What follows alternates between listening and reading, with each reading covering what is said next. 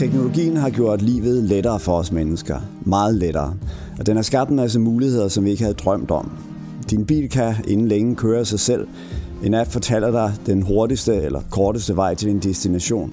Reklamer på nettet ved, hvad du har lyst til eller brug for at købe, før du selv har gjort dig det klart. Livet er blevet lettere, men er vi blevet mere levende af det? Eller tror den de teknologiske landvindinger med at udtørre det dyb, hvor i sjælen har hjemme? Det handler om vores trang til at optimere os selv, om at gøre tilværelsen lettere, om at flytte grænser, om at få mere ud af livet, om og muligt at aflyse døden. Men hvad er prisen? Ved hjælp af kunstig intelligens kan man klæde en kvinde af, se hende nøgen, virtuelt ganske vist, men livagtigt. Japan producerer sociale robotter, der skal hjælpe ældre af med deres ensomhed. I tre podcast stiller vi spørgsmålet, ikke hvor den teknologiske udvikling fører hen, men hvor den efterlader os. Mit navn er Nils Nyman Eriksen, og jeg har sammen med Jeppe Ladegaard lavet den her lille serie, som vi har kaldt Mennesket og Maskinen. Og velkommen til dig, af Malie Schmidt, som øh, har sagt ja til at være sammen med os her i den første af de tre podcasts.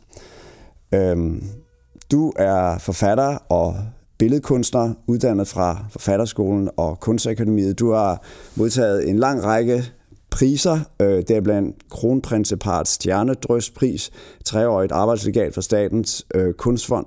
Så har du skrevet en bog, øh, hvis nok det sidste værk, det hedder Threadripper, som fik seks stjerner i politikken, øh, blev nomineret til Weekendavisens litteraturpris, og du var jo også på forsiden af, af Weekendavisens kultursektion her i forrige uge. Så ja, øh, jeg har øh, fulgt øh, dit, øh, din produktion en, en lille smule på afstand over de senere år, og har lagt mærke til, at en af de tråde, der er i den produktion, det handler om det, man kunne kalde den øh, fjerde industrielle øh, revolution. Og øhm, så, så, så velkommen Amalie, og måske kan du starte med lige at sige et par ord om, hvorfor den slags er spændende for en, en kunstner og forfatter som dig. Altså ja, tak skal du have. Og øhm, jeg tror, at altså, det her med den fjerde industrielle revolution, er et ret spændende begreb, som jeg skriver om i Thread, Threadripper, øh, som er er sådan en, en teori, kan man sige, fordi man kan jo sjældent navngive noget, øh, før det er sket. Men altså, det er, teorien er, at vi havde den første industrielle revolution med dampmaskinen øh, i, i starten af 1800-tallet, den anden med elektrificering i ja, slutningen af 1800-tallet, starten af 1900-tallet, den tredje med digitaliseringen fra 60'erne, 50'erne, 60'erne, 70'erne frem. Og så at vi nu er på vej ind i noget radikalt nyt, altså en ny øh, form for industriel revolution, som handler om, at øh, biologien og computerteknologien begynder at nærme sig hinanden. Og øh, den er ikke øh, sådan klart afgrænset i kanterne. Der, der er en masse forskellige tendenser, og du har selv nævnt nogle af dem. Altså, vi har sådan noget som kunstig øh, intelligens, øh, selvlærende algoritmer på den ene side. Altså computeren, der bliver mere og mere opfører sig mere og mere menneskeagtigt, og måske endda sådan nærmest opfører sig biologisk i nogen henseende. Og så har vi biologien, der med DNA, øh, DNA-kortlægningen og øh, sådan nogle teknologier som CRISPR, hvor man kan øh, klippe i DNA-strenge osv., begynder at opføre sig mere og mere tegnagtig eller computeragtig i mm. virkeligheden. Mm. Så der er sådan nogle ting, der sådan nærmer sig hinanden, og det er jo nogle, sådan nogle, på en måde, altså det er jo ikke noget, sådan, der er sket i år, eller sidste år, eller til næste år. Det er jo sådan nogle mega tendenser, som sker over øh, 20, 30, 100 år, ikke? Ja. Øhm, og, og det er jo så noget, vi står midt i. Og det tror jeg ikke, man kan undgå at tænke på og øh, sådan interessere sig for, hvis man er, ja, hvis man producere noget som helst, øh, både litteratur og billedkunst i dag. Altså, så, så, man... så, så kernen af den fjerde industrielle øh, ja. revolution, det er altså, at, at den her, det her skarpe skæld, der har været og indlysende må være mellem teknologi og biologi, ja. at det ligesom bliver lidt sløret, mm-hmm. at teknologien begynder at gå i forbindelse med at udvikle sig på en måde, så den efterligner biologi ja. og, og spiller sammen med biologien på, på nye måder. Ja. Og det er jo helt vildt. Altså, når man tænker over konsekvenserne i det, så er det jo svimlende. på alle mulige måder. Ja, altså sådan en som Elon Musk, øh, som jo er en af de sådan meget øh, navnkundige øh, bannerfører for, for øh, men også øh, hvad skal man sige, en som frygter kunstig intelligens meget. Han er, han er jo bange for, at det vil betyde enden på mennesket, som vi kender det nu. Mm. Er, der, er, er, er, er du båret af en tilsvarende bekymring? Øhm, jeg prøver på en måde at holde, altså det er jo sådan med al teknologi, at det kan bruges på mange forskellige måder. Og altså man kunne også øh, have sagt mange af de samme ting, da elektriciteten blev indført, og elektricitet har ført en masse gode ting med sig, og øh, også en masse dårlige ting med sig. Det, det er svært at sige, om det ene er bedre end det andet. Det kan bruges på gode og dårlige måder, og på en måde er vi nødt til at holde os sådan åbne for hele paletten af måder, det kan bruges på for at være sådan, øh, ja, bevidst, gå bevidst ind i det på en måde. Ikke? Så bevidst, som man overhovedet kan ja. gå ind i det. Ja. Øhm, så altså, en lille smule bekymring bør man måske have øh, med sig, men øh, jeg tror heller ikke, at man skal... Altså, Elon Musks måde at gøre det på er jo så at skulle lave den her sådan eskapistiske vision om, at vi skulle kunne overleve øh, på Mars øh, for at komme væk fra den her verden, der er ødelagt af kunstig intelligens. Og, og det, det, den, den vil jeg ikke gå med på, eller den Nej. del af det. Men en anden vej, som man vel heller ikke kan gå, mm. er at stanse udviklingen. Mm. Altså, det er vel det, der er muligt, det må ligesom virkelig gøres. Udfolde sig på en måde. Ja, det kan man godt sige. Altså, der er jo ting, der vi som øh, menneskehed har besluttet at stoppe sammen, i hvert fald i, eller udskyde sammen. Ja. Altså det, så det kan, man, det kan jo godt lade sig gøre. Ja. Men om det er kunstig intelligens, det, den, den er lidt sværere, for der er jo også en masse gode ting ved kunstig intelligens, og vi, mm. kunstig intelligens er allerede vidt udbredt. Altså hver gang man googler noget, benytter man sig af kunstig intelligens, og den beslutter alt, hvad der kommer ind på ens, øh, i ens feed, når man er på sociale medier osv. Ikke? Altså ja. der er en masse, masse af ting ved kunstig intelligens, der allerede er ude og blive brugt, og som mm. vi har accepteret faktisk. Ja. Og man kan sige, at en afgrænsning vil kræve en, en grad af konsensus, som det også vil være svært at forestille sig, hvordan man skulle opnå sådan ja. i, i den globale virkelighed i, i dag måske. Mm. Jeg kunne tænke mig at gå et lille stykke tilbage i din, øh, øh i din produktion til 2015, hvor du lavede et værk, jeg tror det var afgangsværket fra Kunstakademiet, øh, som hedder Eye Touching Finger Seeing. Mm-hmm. Øh, som jeg, jeg så, og som gjorde et dybt indtryk på mig. Det handlede om touch. Altså, det var jo lige der, nej, det var vel ikke lige der omkring, men det var der, det sådan for alvor blev meget almindeligt, at man havde touchpads og mm. så videre. Hele den her øh, teknik med, at man rører ved en skærm, og så sker der noget. Mm. Og det var, som jeg husker det, øh, det fænomen, som du undersøgte. Ja, altså det var i 2007, at de første iPhones kom på markedet, men der gik jo nogle år før, de sådan blev vidt udbredt. Og jeg tror, jeg havde en følelse af der i 2015, at vi havde fået sådan et, en helt ny måde at interagere med computeren på. Altså med fingrene, og hvor man rører direkte på skærmen. Og et nyt vokabular faktisk også. Alle vidste pludselig, hvordan man skulle gøre sådan og sådan for at zoome, og man gjorde sådan og sådan for at scrolle og trykke osv. Og de her firmaer, de solgte det som et natural user interface, altså noget naturligt. Det er en naturlig måde at interagere med en, en skærm på. Og man har også set videoer af katte, der interagerer med, med iPads osv. Selv børn kunne det. Øhm, men jeg synes, der manglede sådan et, en, et, nogle begreber om, hvordan, hvordan har, hvad er det egentlig for en måde at interagere med? Hvad er det for et vokabular? Hvad betyder det? Hvem har valgt det? Hvem har, altså, det kommer jo ikke bare ud af ingenting. Det er jo de her tech-firmaer, der finder på det på mange måder. Mm. Og, og hvad er det, der sker i det øjeblik, vi rører en touchpad? Hvad, ja. er, det, hvad er det, vi berører? Og jeg, som jeg husker, det var en af pointerne i udstillingen, at øh, følesansen til forskel fra alle de andre sanser er, hvad skal man sige, gensidig. Du, du kan ikke røre ved noget, uden at blive berørt af nej, det. Nej. Altså, du kan se noget uden at blive set. Øh, du kan høre noget uden at blive hørt. Men i det, du rører ved noget, så modtager du selv en berøring. Ja. Så hvad sker der med os selv i det, vi rører ved skærmen? Det er jo spørgsmålet. Altså, så kan man sige, en touchskærm ændrer ikke tekstur, når der går forskellige billeder hen over den. Den ændrer ikke øh, temperatur, den ændrer ikke... Øh, øh, altså, der er mange ting, der ikke ændrer sig ved den. Den er faktisk ret todimensionel og ret... Øh, kold og glat hele tiden. Øh, så, så vi rører ved billederne, men den berørings den taktilitet, der er i dem, er ikke som at røre ved virkeligheden jo. Altså det kan ikke erstatte at røre ved virkeligheden. Øhm, men ja, hvad sker der, når vi, når vi rører ved skærmen? På en måde bliver vi jo selv så øh, til en del af skærmen, fordi vi bliver selv, i gamle dage på computeren har man haft en, en altså der har vi jo stadig mus og tastatur, og øh, der er noget, der bevæger, der er en lille cursor, der bevæger sig rundt inde på skærmen og den er en forlængelse af os. Men i det vi selv bliver den der cursor, altså som trykker på skærmen, så træder vi på en måde selv ind i skærmen, eller skærmen kommer ud til os. Eller sådan noget. Så der sker en eller anden slags sammensmeltning mellem os og skærmen. Indfangning nærmest mm. af mhm. mennesket i hele det her net. ja. øh, eller... Sådan kunne man godt øh, se det, ja på en måde. Ja, jeg, jeg, jeg kom jo til at tænke på sådan billeder af bare det Sixtinske kapel, Michelangelo og, og, og skabelsen af, med fingrene, der lige når hinanden. Det er mm-hmm. to verdener, der nærmest spejles i det øjeblik, det lige øh, kommer i berøring ja. med hinanden. Det er rimelig vildt, hvis det er tilfældet med touchskærmene også, men altså, ja, måske. Ja, det er måske en lige, lige, lige lovlig øh, øh, voldsom og positiv øh, øh, sådan, forståelse af det som et, et skabelsesøjeblik. Hmm. Eller, eller et troldspejl måske. Ja, som, måske mere faktisk. Ja. Ja.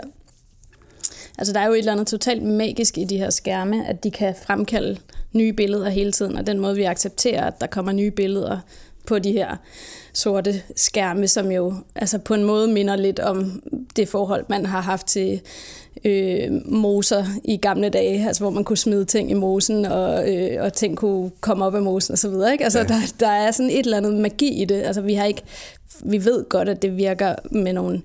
Øh, altså, der, at der er nogle teknikere og nogle ingeniører, der har tilrettelagt det hele, og vi ved godt, at der er nogle tech-kompanier, men der er noget, der er så magisk i måden, det overhovedet fungerer på, at vi bare køber det næsten.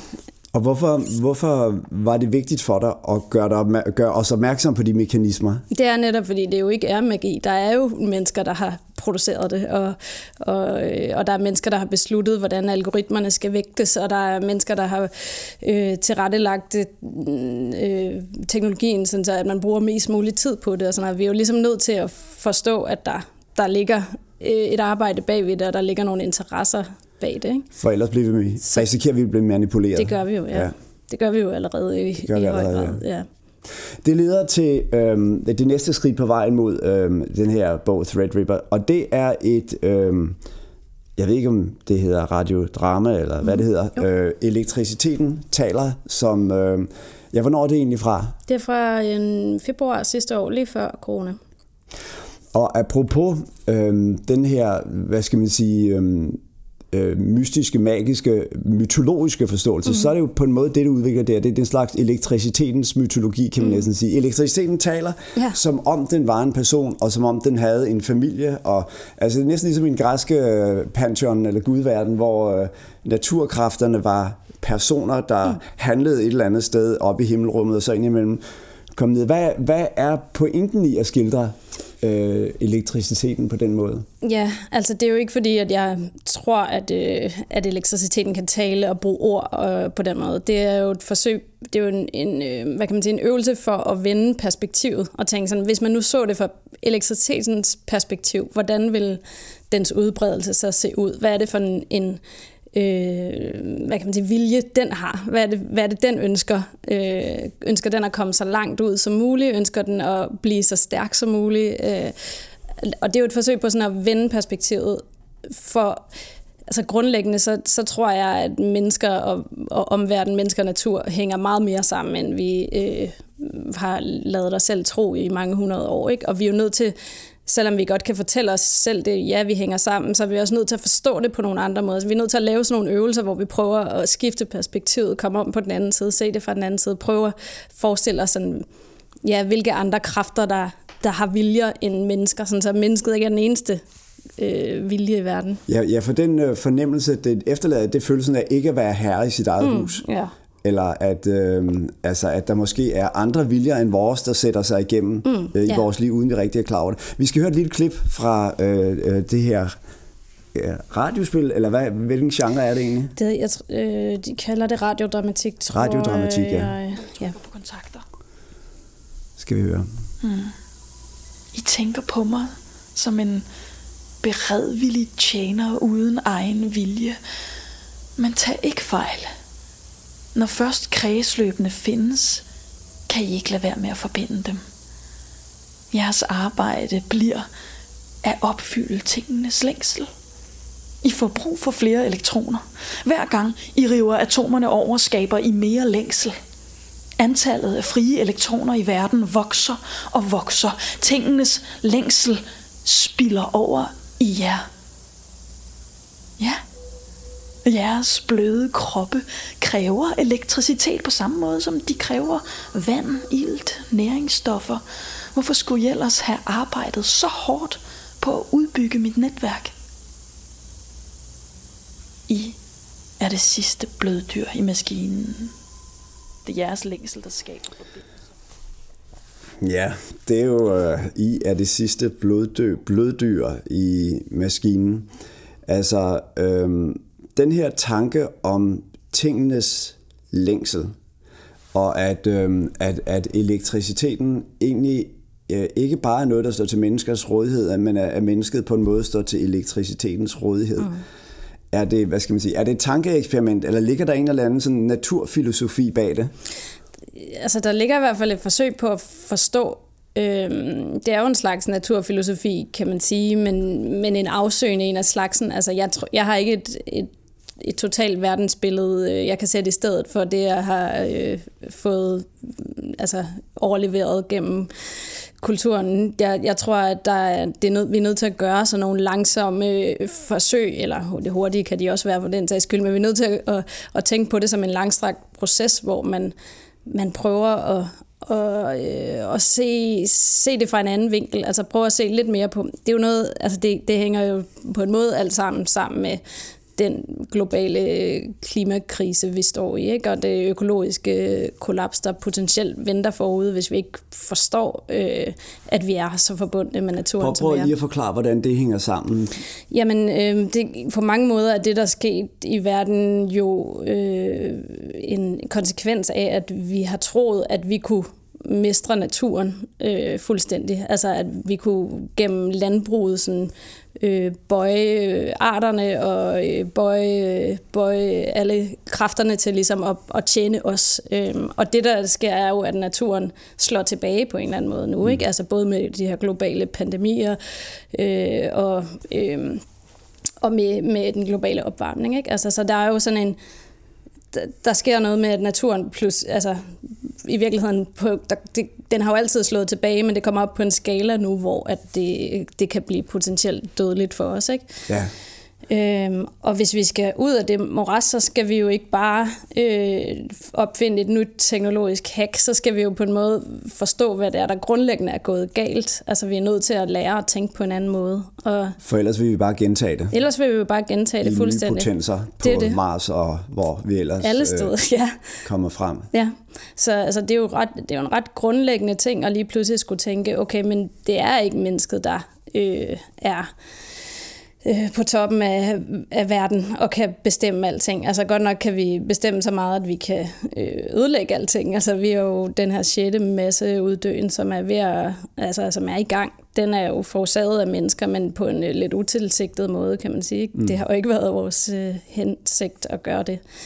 Øhm, så vi er nødt til at forstå, at vi både øh, altså er en, en meget tættere del, at vi lever i samspil med naturen, men også at vi lever faktisk som et globalt fællesskab. Altså vi er jo en, enormt mange mennesker, og vores handlinger betyder noget sammen, ja. i som, som sværm eller som masse, eller hvad kan man sige, sådan, på et større, perspekt- et større perspektiv. Ikke? Ja. Vi er ikke bare den enkelte jo. Nej.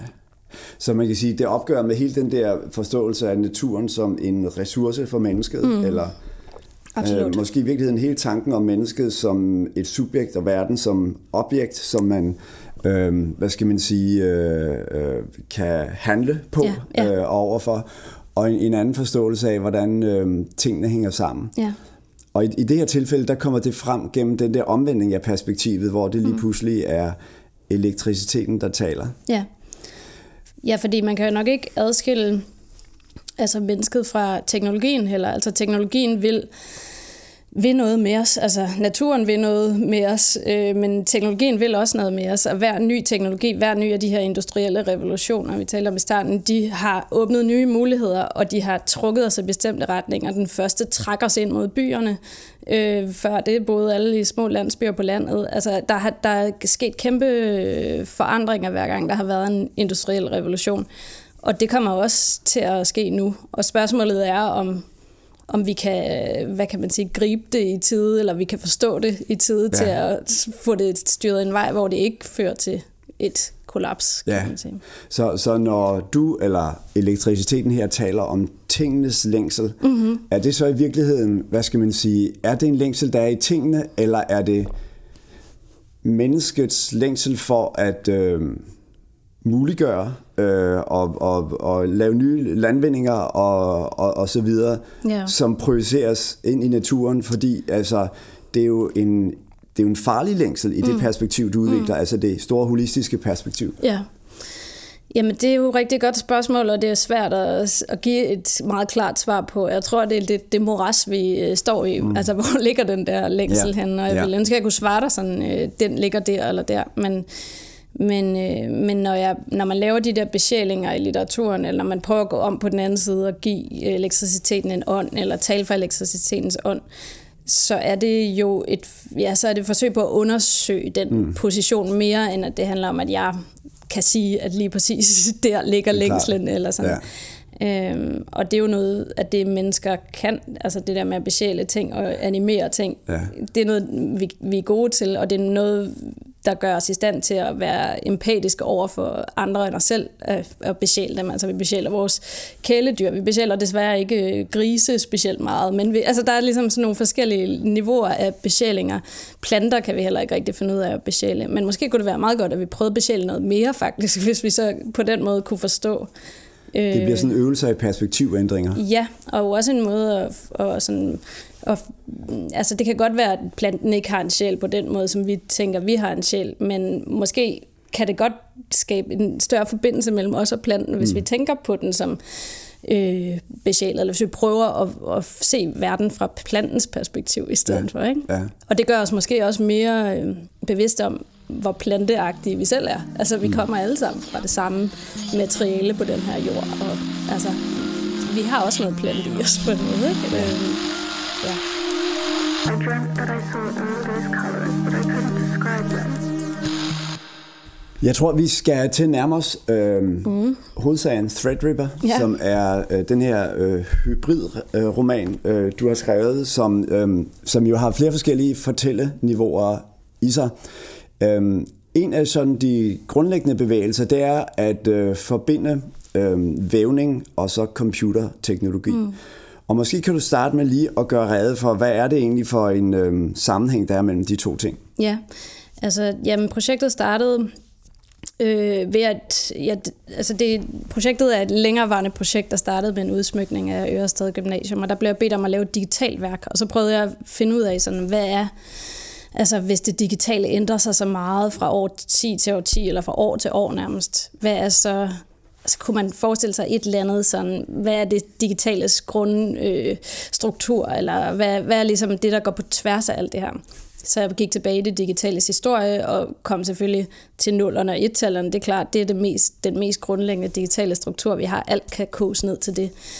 Øh, og nullerne og et-tallet øh, et-tallerne kan, kan sådan rent konkret ses i øh, hulkortene, som jo de første computere brugte. Altså dengang computer fyldte et rum, der brugte man hulkort til 0, hul eller ikke hul, 0 eller 1, øh, og lagre information. Men hulkortet er ikke en, øh, en opfindelse, der er lavet til computeren. Det var en opfindelse, der blev lavet til eller første gang blev anvendt i større stil til den industrielle væv, som faktisk var sammen med dampmaskinen det, der sådan for alvor satte den første mm. industrielle revolution i gang.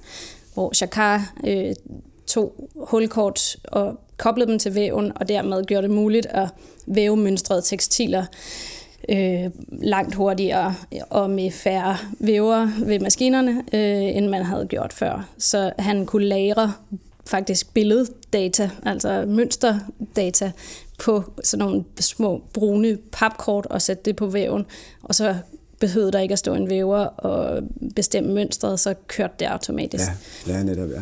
Så man kan sige, sammenhæng mellem en væv og så en computer, det er ikke bare et, øh, en metafor, et billede, det er det er samme teknik. På en altså, måde. Øhm, som så bare ligesom er udviklet. Altså, kan, kan man sige, at, at på en måde er, hele den her fjerde industrielle revolution på en måde øh, teknologien, der kommer til sig selv, eller mm. det, det der lå sådan helt tilbage i de principper, som startede den industrielle revolution, de bliver, øh, det bliver synligt, hvad det i grunden indebærer.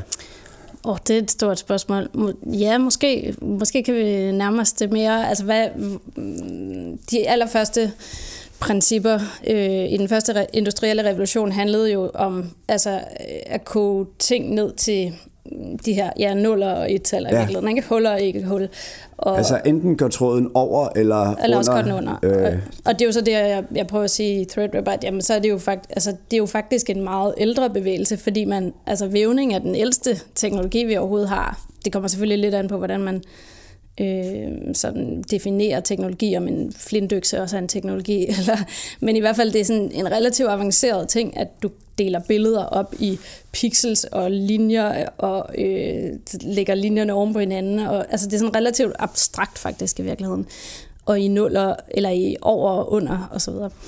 Øhm, og at det er sådan den, det er før skriftsproget, altså vi, vi er tilbage der med vævning, ikke? Øhm, så måske det, altså hvis man skal sige, at det er øh, ja, så skal vi faktisk helt der tilbage mm. til starten af teknologien. Og ja, så handler det om at, at, at systematisere, altså koge tingene ned til øh, et system, hvor man kan øh, reducere det til data faktisk. Ikke? Ja. Altså, du kan reducere billeder til data i ja. væven, og det vil man nok sige også fortsætter op igennem de tre andre industrielle revolutioner, ikke? altså digitalisering og eller elektrificering og digitalisering. Og om det så, altså hvad det så der er, der sker her nu med, med den fjerde industrielle revolution, altså der er jo noget med, at ja, DNA er kortlagt. Altså du, du, kan, du kan faktisk reducere det menneskelige genom og alle mulige andre genomer til data. Øh, og du kan begynde også at lave de her computeralgoritmer, som, som kan fungere på menneskelignende måder, og som kan se billeder, se hvad der er på billeder, mm. altså digitale billedgenkendelsesalgoritmer, øh, mm.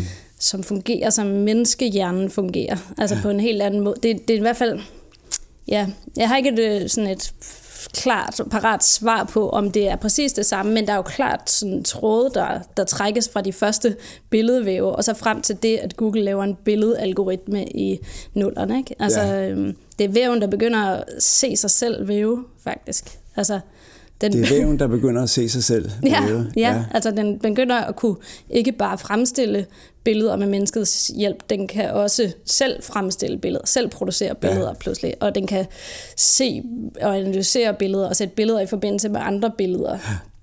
på sådan en tredimensionel måde.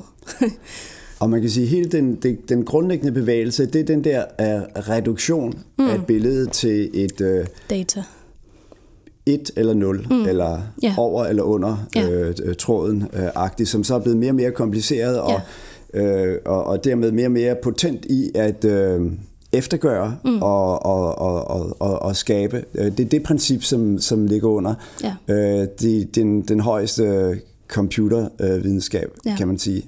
Der, der er en, øh, en kvindeskikkelse, som mm. du er meget optaget af i, mm. i bogen. Jeg ved ikke helt, hvordan, om det udtales er det Loveless eller Lovelace? Eller, det ved jeg heller ikke. Nej, men øhm, altså, hun er en meget interessant øh, skikkelse, øhm, som var øhm, datter af Lord Byron og matematisk øh, meget begavet mm. øh, kvinde, mm. øh, som arbejdede på øh, altså, det, som måske kan betegnes som den første computer, ud fra mm. de her principper. Mm. Mm. Og hun skriver i et brev sådan her.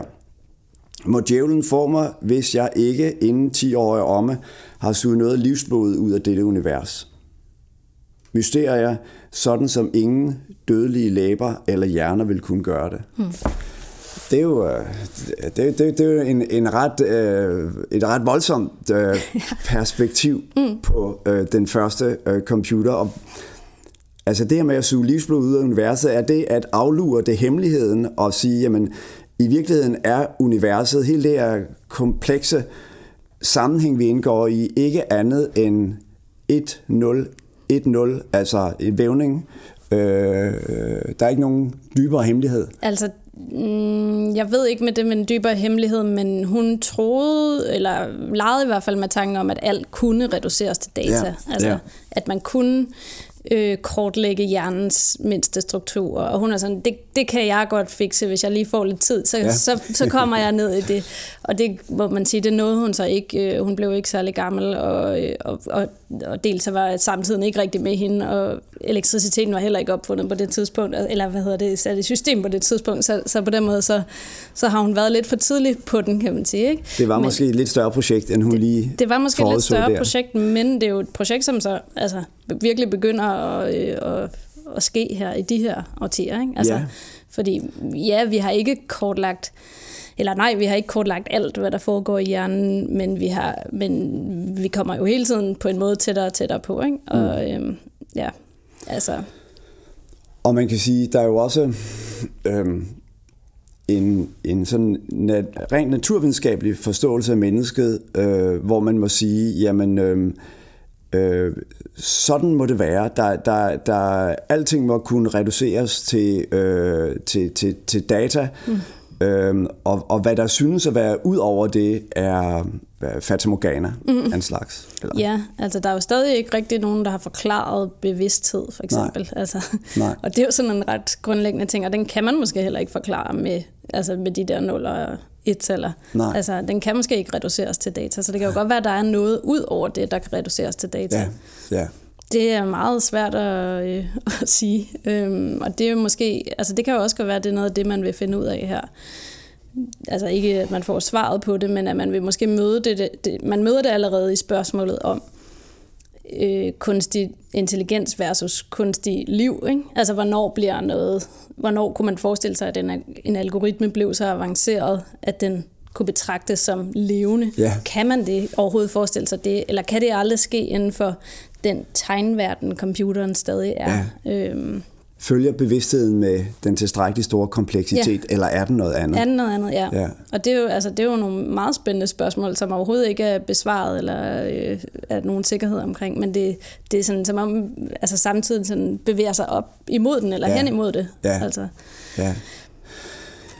En anden kvindeskikkelse, som du er meget optaget af her i bogen, det er Penelope. Mm. Altså Odysseus kone, mm. Som øh, sidder på, hvad det, Peloponnes, eller, og, og venter på, at hendes øh, mand skal vende hjem. ja, Eller har måske nærmest opgivet håbet. Han har været væk i, er det 20, 20 år? ja. Ja. ja, ja. Og hun er belejret af bejlere, mm-hmm. øh, og hun bliver ved at udsætte øh, beslutningen om, hvem hun skal sige ja til, mm. ved at væve, mm. øh, og så om natten optrævle det stykke, hun væver, og siger, jeg kan, jeg kan ikke tage min beslutning, før jeg har vævet det, jeg er færdig. ja. Og øh, hun, hun bliver jo i din bog på en måde et, øh, ja, det er både for, fortælleren identificerer sig med hende, men hun bliver vel også lidt mere end det, gør hun ikke? Et, Jo. en, Altså, jeg har skrevet Penelope-myten lidt om, kan Ja. man sige, fordi den oprindelige Penelope er jo en trofast skikkelse. Altså, hun gør det her med at væve og optravle med sådan et klart Ja, ja. mål om at holde fast i, øh, altså, i Odysseus og vente på ham, ikke? Øhm, og den, den, jeg fortæller dig i bogen, som, som spejler sig i Penelope, har, tænker mere på sig selv som en tvivlende Penelope, som hele tiden ja, væver og så travler op, væver og travler op i sådan sin livsfortælling, tror jeg, man kan sige, eller sit forsøg på at lave en livsfortælling, kommer aldrig særlig langt. Den sådan bliver travlet op igen Ja. fordi tvivlen fylder meget mere. Så det er sådan to forskellige Peneloper, tror jeg godt, man kan sige. Det er sådan en moderne Penelope, der, der er øh, sådan mere øh, grundlæggende i tvivl om alt muligt. Øh, og som måske mindre øh, trofast, eller altså, som har mere øh, længsel i sig, end den oprindelige Penelope. Men jeg synes, hun er en meget interessant skikkelse, også i, i forbindelse med hele den her tale om øhm, øhm, teknologien og hvad den gør ved os. Fordi altså på den ene side set kan man sige, øhm, øhm, det er sådan lidt Sisyphos-agtigt, det hun mm. gør. Mm. Øh, mm. Men, men det er hende selv, der triller den ned af bjerget hele Ja, tiden. ja, det er ikke ja. bare en skæbne, det her. mm. Hun både væver, og så travler hun op. Ja. Så på en måde er, er, er, mindede hun mig også lidt mere om, øh, hvad hedder hun, Sherazade fra mm. 1001 Nat, som mm. bliver, er, er tvunget til at fortælle mm. hver nat en, en ny historie, mm. for ligesom at holde sig selv øh, levende som, øh, som Karen Bliksen jo også øh, mm. blev, blev meget optaget af. Mm-hmm. Men alligevel øh, er, er den her Penelope et sted derimellem, fordi at det jo påviler hende selv, mm. ikke bare at fortælle, men også at dekonstruere det hele Ja. øh, og opløse det. Ja, ja.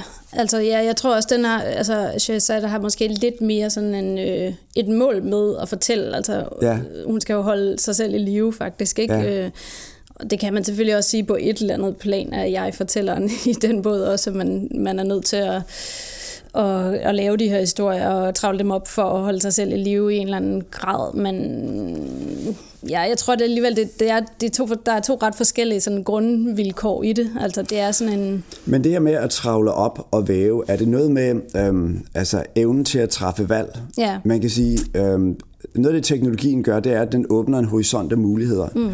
Og det kan være øh, svært at, øh, hvad skal man sige, smække døren bag sig og sige, nu er det her, jeg står, nu er det det her øh, valg, jeg har truffet. Ja. Man har hele tiden måske en øh, tendens til at tage et skridt tilbage og sige, men jeg kunne jo også. Mm. Øh, og dermed øh, kan man sige, man, man, man, man bliver ikke helt til stedeværende mm. Nej. i der, hvor man står. Nej, nej og, og altså, helt konkret så sætter den os jo hele tiden i forbindelse med alle mulige andre øh, steder og tider og øh, livsveje, man kunne gå osv., altså, fordi vi har de der altså, øh, smartphones og, og computere, der sådan åbner sådan et kæmpe rum hele tiden. Ikke? Øhm, og, og vores arbejde bliver måske at sådan væve de der fortællinger sammen på skærmen hele tiden, men du har ret, at altså, hvor, hvor, hvor er man så? Altså, så er vi jo altid væverne, så er vi dem, der sidder ved væven, og væver travler op, væver travler op. Men er man så til stede, eller er man i, i, i fiktionens øh, verden? Så hvis man skulle optrævlingsarbejde, hvis man skulle mm-hmm. beskrive det sådan psykologisk, ja. Er det så, hvad skal man sige, er, er, det, er det tvivlen? Mm. Altså, man kan, man, man kan ligesom øh, fortælle en historie øh, om sig selv, øh, øh, om øh, Nils som præsten på Vesterbro og så, lige, og, og så videre, og den hænger sammen, og det er et ganske tydeligt billede, og så er der alligevel inde bagved en eller anden ironisk øh, øh, fornemmelse af, at øh, nej, sådan er det ikke, det kunne også have været sådan, eller man er ikke sådan helt øh, solgt til det. Nej, altså det er jo nok noget med, at vi, vi er jo også nødt til at kunne se tingene fra nogle andre vinkler. Ja, altså man har lige nu har vi en, en verden, hvor at man kan være præst, og man kan alle mulige ting, men der er også en anden, der kunne også være alle mulige andre muligheder. Mm. Der er også nogle Øh, der er mange andre måder at leve på, der er mange andre måder at være menneske på, der er mange andre måder, det kunne være gået, der er mange andre situationer, der kunne komme politisk. Øh, altså, øh, der, der, der er måske sådan en, der er måske brug for at, at være åben over for de konstruktioner, vi har øh, sådan lavet sammen. Øh, at de, de er i en eller anden grad konstruktioner. Det gør dem ikke mindre sådan sande eller vigtige i nutiden, men, men vi er nødt til sådan at kunne rulle... Altså, det har meget at gøre med det der med klimaproblematikken og øh, den globale krise også. Vi er nødt til sådan at kunne rulle de der forbindelser tilbage, eller vi er nødt til at kunne undersøge, hvor kommer de fra, øh, hvem har, eller hvor har, hvordan, hvad er det for nogle forestillinger, vi har om øh, vores sammenhæng med naturen osv. Hvordan kan vi sådan rulle de, øh, travle de forbindelser op, og måske skabe nogle nye og bedre forbindelser. Ikke? Altså det, det, det ligger meget i det, men selvfølgelig er der også et privat spor, eller hvad kan man sige, et, sådan, et jeg fortæller eksistentielt spor. Det er meget som- interessant, fordi uh, uh, jeg, jeg, jeg hører udmærket, hvad du siger omkring det globale og klimaet og så Ja. videre. Jeg har ikke læst det særlig meget. Altså, det, det er ikke det, der har uh, talt så meget til mig i min læsning af Nej. bogen. For, for mig talte Pen, uh, Penelope-skikkelsen nærmest kirkegårdiansk, Ja. altså om Ja. At vælge valget. Um, altså, uh, virkeligheden er den tilintetgjorte mulighed, mm. og at, uh, hvad skal man sige, det moderne menneskes øh, udfordring, det er, at det er så svært at tilintetgøre muligheden. Man, mm. man vil så gerne blive ved at være i den, og derfor er man nødt til hele tiden at trævle op for ikke ligesom at mindske sine mm. udfoldelses- eller, eller valgmuligheder. Det kan sagtens være, at, øh, at du har ret i det, og det er jo ikke en bog, der sådan kommer hen til et svar. Den står Det ligesom nemlig og, nej. og Ja. diger lidt der Ja. imod, mod slutningen, og, og, og ikke sådan, øh, der, er ikke noget, der er ikke en løsning på det hele.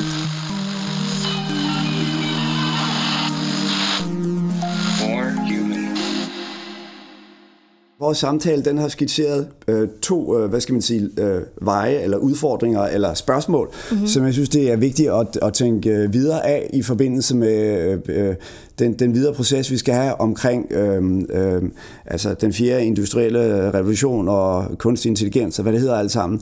Det ene spor, det er det her globale eller holistiske spor, mm. som, som du har beskrevet øh, øh, så fint. Og det andet spor, det er sådan det mere eksistentielle spor, mm. der handler om, at teknologien jo øh, skaber muligheder, ja. men er den mulighed, den mængde af muligheder og den optagethed af vores muligheder i virkeligheden, gør den det vanskeligere mm. at være øh, os selv, eller mm. og, og, og, og være mennesker, der er til stede der, hvor vi er, i de mm. relationer, mm. som vi, vi nu engang står i, og, og så videre. Mm.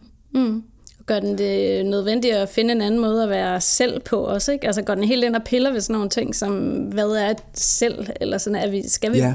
skal vi blive ved med at være selv på den samme måde? ja.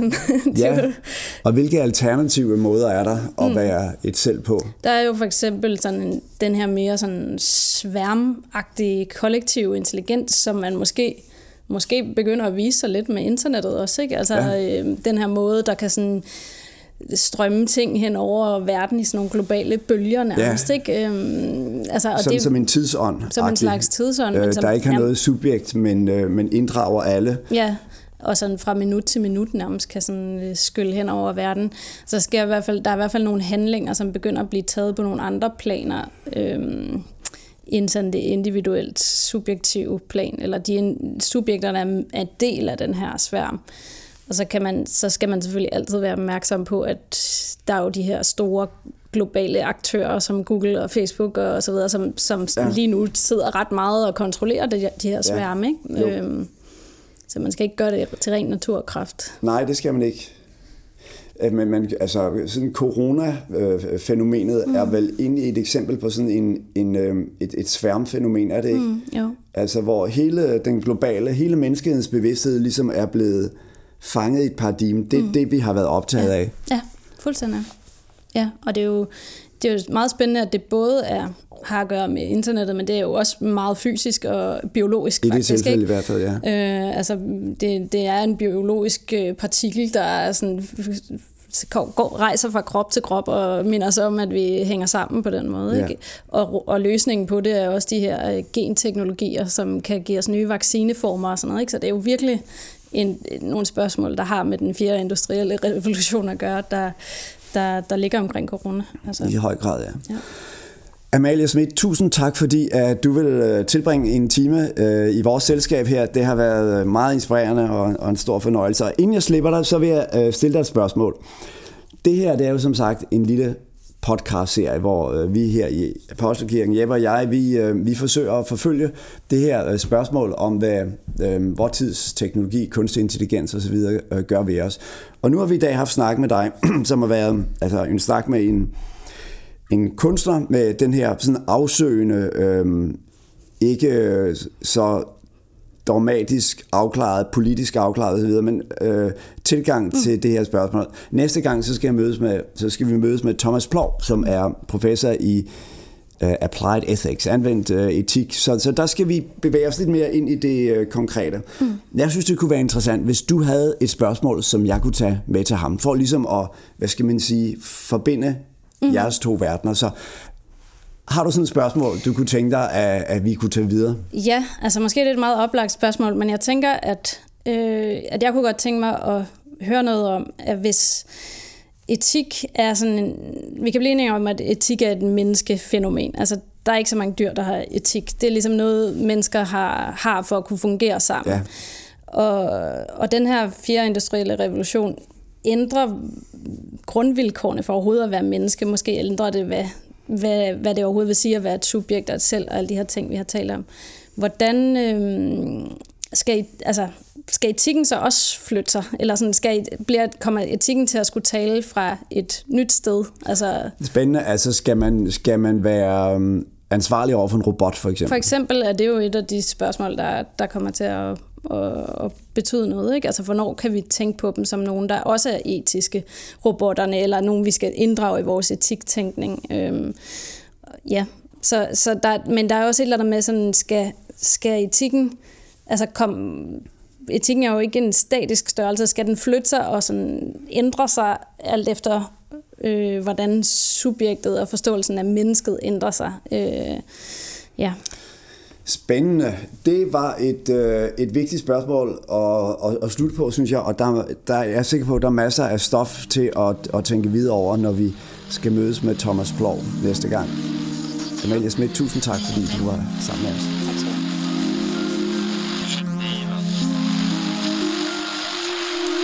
Vi lånte klip fra Amalie Smits hørespil Elektriciteten taler, produceret af Akt 1 i februar 2020 med Niels Erling som instruktør, Rasmus Junker som lydscenograf. I klippet talte skuespiller Filippa Svensson.